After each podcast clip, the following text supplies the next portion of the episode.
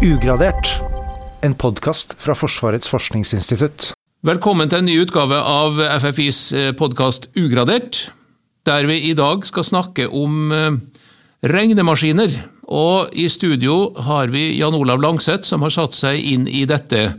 Hvordan FFI begynte å tenke regnemaskiner på en litt ny måte for eh, det samfunnet som åpna seg for Norge etter krigen. Hvorfor måtte FFI ha regnemaskiner, Jan Olav?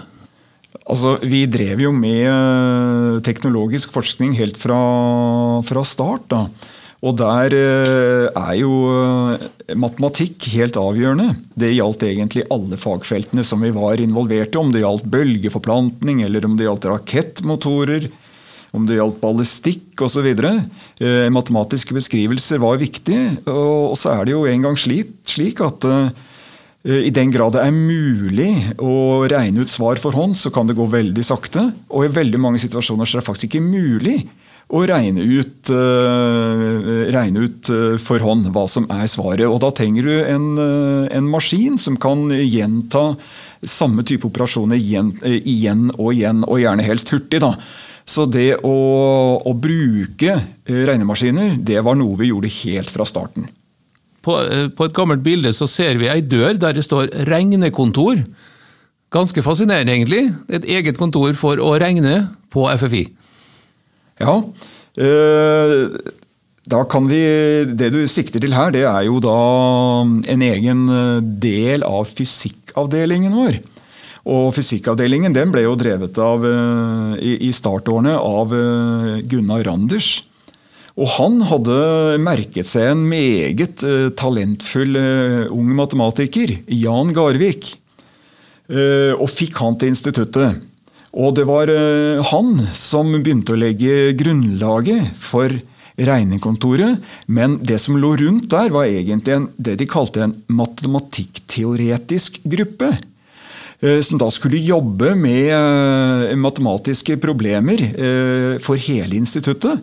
Og da måtte man jo også ha et regnekontor. Og det ble vel etablert sånn på slutten av 40-tallet, da. Satte da folk og beregnet med enkel teknologi, eller hva var det som egentlig foregikk innenfor den døra? Altså I startårene så, så hadde de jo egentlig eh, mest av alt boreregnemaskiner. Eh, og de kunne være helt mekaniske, eller de kunne ha elektrisk, eh, elektriske innretninger uh, for, for, å gjøre en del av det mekaniske arbeidet. Det er klart Dette her gikk jo treigt. men mot slutten av 40-tallet, rundt altså 1950, så fikk vi en såkalt hullkortmaskin. Da begynte det å bli litt størrelse på tingene. Og den var det mulig å programmere. Og den var av en fransk type. Eh, og Det morsomme her det er jo at eh, patenten for denne maskinen som vi fikk, da, det var egentlig Norges første programmerbare kall det datamaskin. Den var utvikla av en nordmann. Men det var en fransk maskin. Og, og vi modifiserte den, og den fikk det fine navnet Mama1. Sikkert matematikkmaskin 1, da. Eh, så kan du si eh, hvor rask var den, da? Eh, Jan Garvik eh, han sa at eh, altså, jeg kan gjøre ballistiske beregninger på denne maskinen. Og det jeg bruker tre-fire uker på, det kan denne her kan gjøre på en dag. Ja, gi meg. Så det var, ja. det var store framskritt i og for seg, men sammenlignet med dagens maskiner så var det vel ingenting. Ikke lenge etter så kom eh, Jeg har lagt merke til at datamaskinene på FFI fikk eh, egen navn. De fikk eh, personnavn, og en, en, av disse maskinene var en som het Fredrik. Kan du fortelle meg litt om den? Ja, altså Historien bak Fredrik er ganske spesiell, og, og den inneholder jo det en skulle tro var røverhistorier. Men de er nok sanne, altså. Eh, fordi det, altså, disse elektromekaniske eh, maskinenes tidsalder var jo på mange måter eh, over, og det begynte å komme inn mer elektroniske regnemaskiner. Som i starten brukte vakuumrør da, for, som en sånn, skal vi kalle det en krets for å, for å registrere nuller og enere, som var helt viktig. Det som skjedde, det var at FFI fikk nærmest tilbud om én million kroner. Og her snakker vi om ting som egentlig var veldig hemmelig på denne tiden. For hvem var det som ga oss tilbudet? Det står Forsvarsstaben i, i noen dokumenter, men det var jo Forsvarets sikkerhetstjeneste. Og hvorfor var de interessert i uh, en slik uh, maskin? Jo, selvsagt for, for, uh, for, for desifrering og det å forstå kodede meldinger som andre land og aktører drev med. Så vi fikk tilbud om 1 million kroner for å kjøpe en maskin, under forutsetning at vi stilte med, med bygning og, og driftsmidler. Og, og, den, og, Det er også interessant at den personen som var med på å, å, å, få fram dette forslaget, at dette skulle bli et forslag, et tilbud til FFI, det var jo Ernst Selmer. En av de også virkelig store datapionerene i, i Norge, og etter hvert en, en, en, kryptograf av internasjonale dimensjoner. Da. Så Han hadde kontaktene i Forsvarets sikkerhetstjeneste, og tilbudet kom til FFI. og Det ble uh, fart i sakene. og vi valgte en maskin som ble produsert uh, i England. Tilknyttet til, til universitetsmiljøet i, Manchester. Og denne maskina den uh, fikk vi da til, til, oss i 1957. Et svært monster med 2000 vakuumrør, et voldsom varmeproduksjon. Det lå vel på rundt ca. 20 kW, som sto der og brant hele tiden. Det må ha vært ganske varmt. da i området. Men disse røverhistoriene det er jo verdt å fortelle, for det er jo ganske gøyalt. fordi ok, eh, vi fikk en million kroner. Sannsynligvis sto de på en, en norsk konto i England etter krigen. Eh, men det var jo ikke penger til å betale eh, toll og avgifter for å få denne maskina inn i Norge.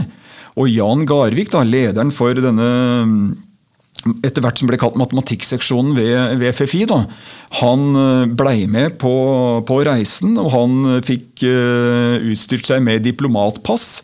Og dette her ble altså da uh, sett på som en diplomatsending fra ambassaden i London, og da kunne jo ikke tolleren i Oslo han bryte seilene. Så her kom det altså kasser på kasser, for dette var digre greier, inn til Norge som diplomatpost. Noe sånt hadde de aldri sett før. Uh, og dette her, det, det, følgelig, altså Mye av dette her, det sto jo ikke i noen regnskaper. Og det kom jo Riksrevisjonen uh, for gjøre. da. Og da ble det oppstandelse igjen. Men alt endte visst i fordragelighet, og, og det, var en, uh, det, var en, hyggelig åpning av hele anlegget i 1948. da. Så det var Fredrik. Og, og Fredrik, det var jo et akronym som var knyttet til produsenten eh, Ferranti i, eh, i, England. Men det passet jo også for så vidt greit i at uh, vår første direktør het jo Fredrik til, til fornavn, Fredrik Møller. Og han ga seg også i 1957. da. Og da var maskinen på plass. Det var jo altså sikkert spennende for unge forskere å, å, møte det miljøet som antagelig var i ferd med å oppstå på Kjeller.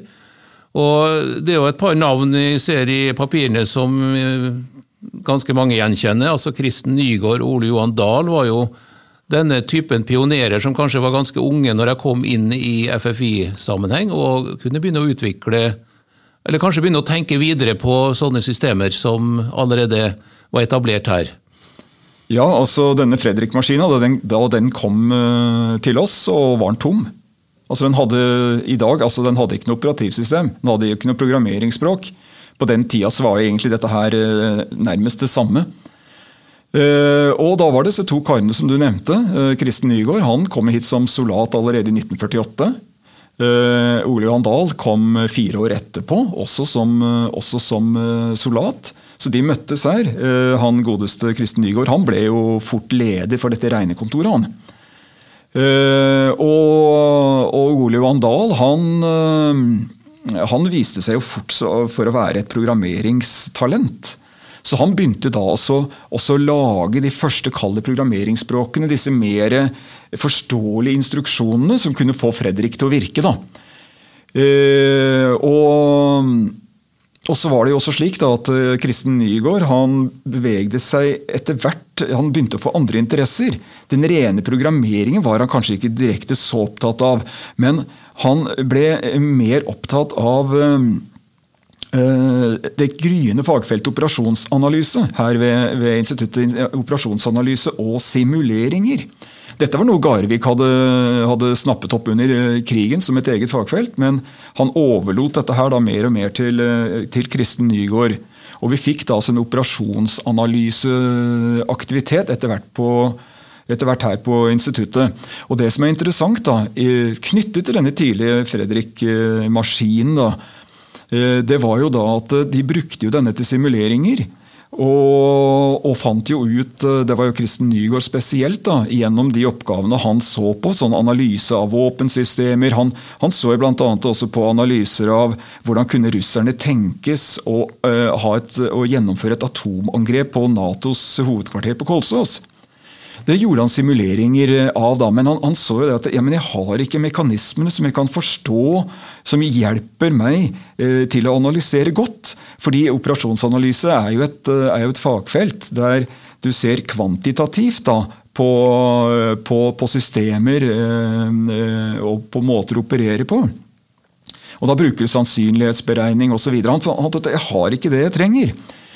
Uh, og nå For å gjøre en, en, veldig lang historie kort, så, så slutter Nygaard uh, ved FFI i, i, 1960. To år etterpå kommer Ole Johan Dahl etter, og begge to slår seg ned på Norsk Regnsentral. Og der fortsetter de to sammen jobben med å, å lage mekanismer som kunne gjøre simuleringer bedre. Og Det ga jo opphavet til det første objektorienterte programmeringsspråket, Simula. Og Det skjedde vel da rundt 1965. Og Det er jo en av de virkelig store og største, mest grensesprengende jobbene som er gjort innenfor design av programmeringsspråk. Så det starta her, men ble gjennomført andre steder. Men Ole Johan Dahl og Kristen Nygaard de var her i mange år altså, som, eh, som regneassistenter eh, og som, og som etter hvert forskere. da. Det som er litt fascinerende å lese om i historien, er jo at altså FFI skal jo først og fremst løse hva jeg skal si, de behovene som er der og da. og På et tidspunkt så kommer transistorer og gjør datamaskinene mye mer håndterlige. Samtidig så lager altså FFI en regnemaskin, elektromekanisk regnemaskin basert på, på gir og, og, og, og messinghjul. Det må du fortelle om. Ja, altså, det var jo slik at uh, eh, FFI uh, eh, På denne tiden her så lagde vi jo egentlig hele våpensystemer, og da kanskje spesielt knyttet opp mot Terne. Antiubåtvåpenet Terne. Der er det jo mye beregninger som skal skje veldig hurtig for å få rettet inn denne rakett, eller den utskytningsrampen, sånn at rakettene kan bli skutt i retninga der du forventer at ubåten er. Og her fantes det jo ikke noen datamaskiner, elektroniske datamaskiner som faktisk var eh, hurtige nok på denne tiden. Og i den grad de var hurtige nok, så kunne de i hvert fall ikke ha dem på et fartøy. Så, så da var altså rett og slett løsningen å lage en, en, fullstendig analog maskin, som da består av sylindere, som består av girbokser og tannhjul. Uh, og alt dette her var jo Det er jo superfascinerende. Og dette ble altså lagd her hos oss uh, på FFI med, med stor hjelp fra vårt fellesverksted. Og, og, med en presisjon som var helt fantastisk. Og dette her inngikk jo da i, eh, i bl.a. Terne, eh, ternesystemet. da. Det er veldig fascinerende. Altså det, det, måtte være en ek, ek, ekstrem samling av oppfinnsomhet rundt denne datautviklinga på FFI, når en begynner å se i ettertid at dette det må ha vært gøy å jobbe her med dette her. Du kjente jo en del av de folka som, eh, som holdt på med det. Altså Ingvald Lund har du nevnt. Hva, hvem var han? Og hvem var Carl Holberg, som er de to navnene som, eh, som står fram som nokså sentrale etter hvert? Ja, så det som, eh, det som, skjer, det er jo at dette, dette datamiljøet rundt Fredrik er jo godt kjent rundt omkring i Norge. Og da er det altså på mange måter et lykketreff. Da er det en, eh, en, student på NTH. Han ønsket rett og slett en diplomoppgave innenfor elektroniske datamaskiner. Det var ikke lett å finne. Hvem kan veilede noe sånt? Og da øh, viste det seg at øh, Carl Holberg hos oss han hadde en oppgave som, øh, som vi kunne tilby Yngvar Lund. Han kom til oss. Han vel også han gjennomførte oppgaven sin. Jeg tror også han hadde noe førstegangstjeneste som veldig mange hadde her ved FFI. Og så begynte han å jobbe. Og Dette her det må ha vært rundt 57-58. Og så begynner ting å skje. Og her blir det veldig mange navn, men, men et navn som, eh, som eh, eh, gjentar seg ofte, det er Carl Holberg. Og, og, og, hvor flink han må ha vært i å, å se muligheter. Så det som skjedde, eh, eller rett sagt, eh, Carl Holberg kjente jo allerede godt til MIT-miljøet i Boston. Og han, han sendte Yngvar Lund dit. Og dette her, altså slutten av 50-tallet, det var framveksten av transistorer i, i datamaskinsammenheng. Så plutselig så var det en annen byggekloss i datamaskinene enn vakuumrør. Vakuumrør eh, kunne også skru av og på eh, en strøm, slik at du hadde på en måte de bygge, byggebitene i en datamaskin som kunne sette på en nuller og en ener. Men, eh, men vakuumrørene var treige, de var varme, de var ustabile. Eh, så plutselig kom det altså transistorer, halvledere, eh, som kunne mye kjappere gjøre samme jobben. Eh, mye enklere, mye mindre kraft, mye mer stabilt etter hvert. Så der her var jo en revolusjon, en fullstendig revolusjon av det å lage datamaskiner. Og Yngvar Lund han satt midt i smørjet og var med da og fikk se og, og bruke den første av disse maskinene ved MIT. Og han kom tilbake da rundt 1960 til, til FFI og var jo veldig klar på dette her med at nå skulle vi lage maskiner. Og, og da var det igjen et uh, Kall det et lykketreff, i hvert fall for, eh, for norsk informatikk og datamaskinutvikling. Det var et lykketreff at eh, FFI var da involvert i et ganske hemmelig prosjekt. Og det var rett og slett å lytte etter russiske ubåter i, nord, i, i Norskehavet. Som krevde meget stor datakraft? Her var det snakk om voldsom datakraft. og var ikke, Det var ikke mulig gjennom på den tiden kommersielt tilgjengelige programmerbare datamaskiner. Så saken var at Yngvar Lund fikk jo da en mulighet til å, å lage, sammen med gode kolleger her ved FFI, en transistorbasert signalbehandlingsmaskin som rett og slett da altså skulle gjennomføre eller skulle uh, kjøre algoritmer for å filtrere ut svake, svake uh, akustiske signaler fra bokstavelig talt et hav av støy. Ja, Og denne maskinen het Lydia? Den het Lydia. Og jeg har forstått at, eh, at, eh, navnet er egentlig ganske enkelt å forstå. For det betyr egentlig 'er det lyd? Ja'. Lyd, ja. Og denne maskinen, selvsagt siden den var knyttet opp mot eh, noe så hemmelig som å drive og lytte etter ubåter, den ble jo plassert på et ukjent sted i Nord-Norge. Vel, eh, Denne informasjonen ble jo, eh, ble jo nedgradert på 90-tallet, og nå kan vi vel i hvert fall si at det, at det skjedde på Andøya. At dette hydrofonanlegget og denne Lydia-maskinen eh, ble satt i drift. Og Lydia viste seg å være utrolig bra lenge og dønn stabil. Og det, og det, skyldtes jo mange viktige personer i FFI som brukte all sin kreativitet og, og faglig ærgjerrighet for å få dette til å bli bra. Så har vi nok et datamaskinnavn som eh, også blir en viktig maskin, og den heter SAM, eller SAM. Jeg vet ikke riktig hva, du, hva som ligger bak. Nei, eh, det, det, er riktig. for at eh, Lydia var jo en lynrask maskin. Men så må jeg si for at nå, denne gruppen som lagde Lydia, den fikk jo et eget navn. Vi hadde jo på en måte matematikkseksjon osv. Dette her skilte seg ut. Den ble kalt for Siffer-gruppen. Og det var jo altså en snaut ti personer som lagde Lydia. Eh, den neste klare, eh, klare, oppgaven var jo å lage en maskin som var mer generell, som var programmerbar. Lydia kunne gjøre én ting, den, og den kunne tygge en algoritme, og den kunne gjøre det raskt. Men underveis nå eh, så kom altså tankene om å lage en programmerbar maskin. SAM, da, eller simulator for automatisk maskineri. En merkelig på en måte, betegnelse på en datamaskin, sånn som vi ser det i dag. Men tanken var eh, her, eller ideen var rett og slett at eh, vi på denne tiden eh, jobbet jo med Pingvin, rakett- eller missilprosjektet. Og vi trengte datakraft for å analysere data som kom fra forsøk med dem, sånne såkalte telemetridata. Og da kunne, ha, da kunne vi jo selvsagt ha kjøpt en maskin, for de fantes jo da. Men da skjedde det at uh, nok en gang, mye enn Carl Hallberg så muligheter. Og han sa jo selv at, eh, at han eh, nærmest skrøt han hadde stjålet noen, noen, noen penger fra Pingvinprosjektet. Og satte i gang med å lage en programmerbar datamaskin. Ja, for programmerbare datamaskiner blir jo mer og mer behov for etter hvert som behovene øker på nesten alle kanter. Så eh, dette kunne vi jo snakka om i timevis, eh, og det er mange mange detaljer rundt datautviklingen. Men eh, det som er konklusjonen her, er jo at FFI sto veldig sentralt i den datautviklinga som foregikk i Norge i over flere tiår.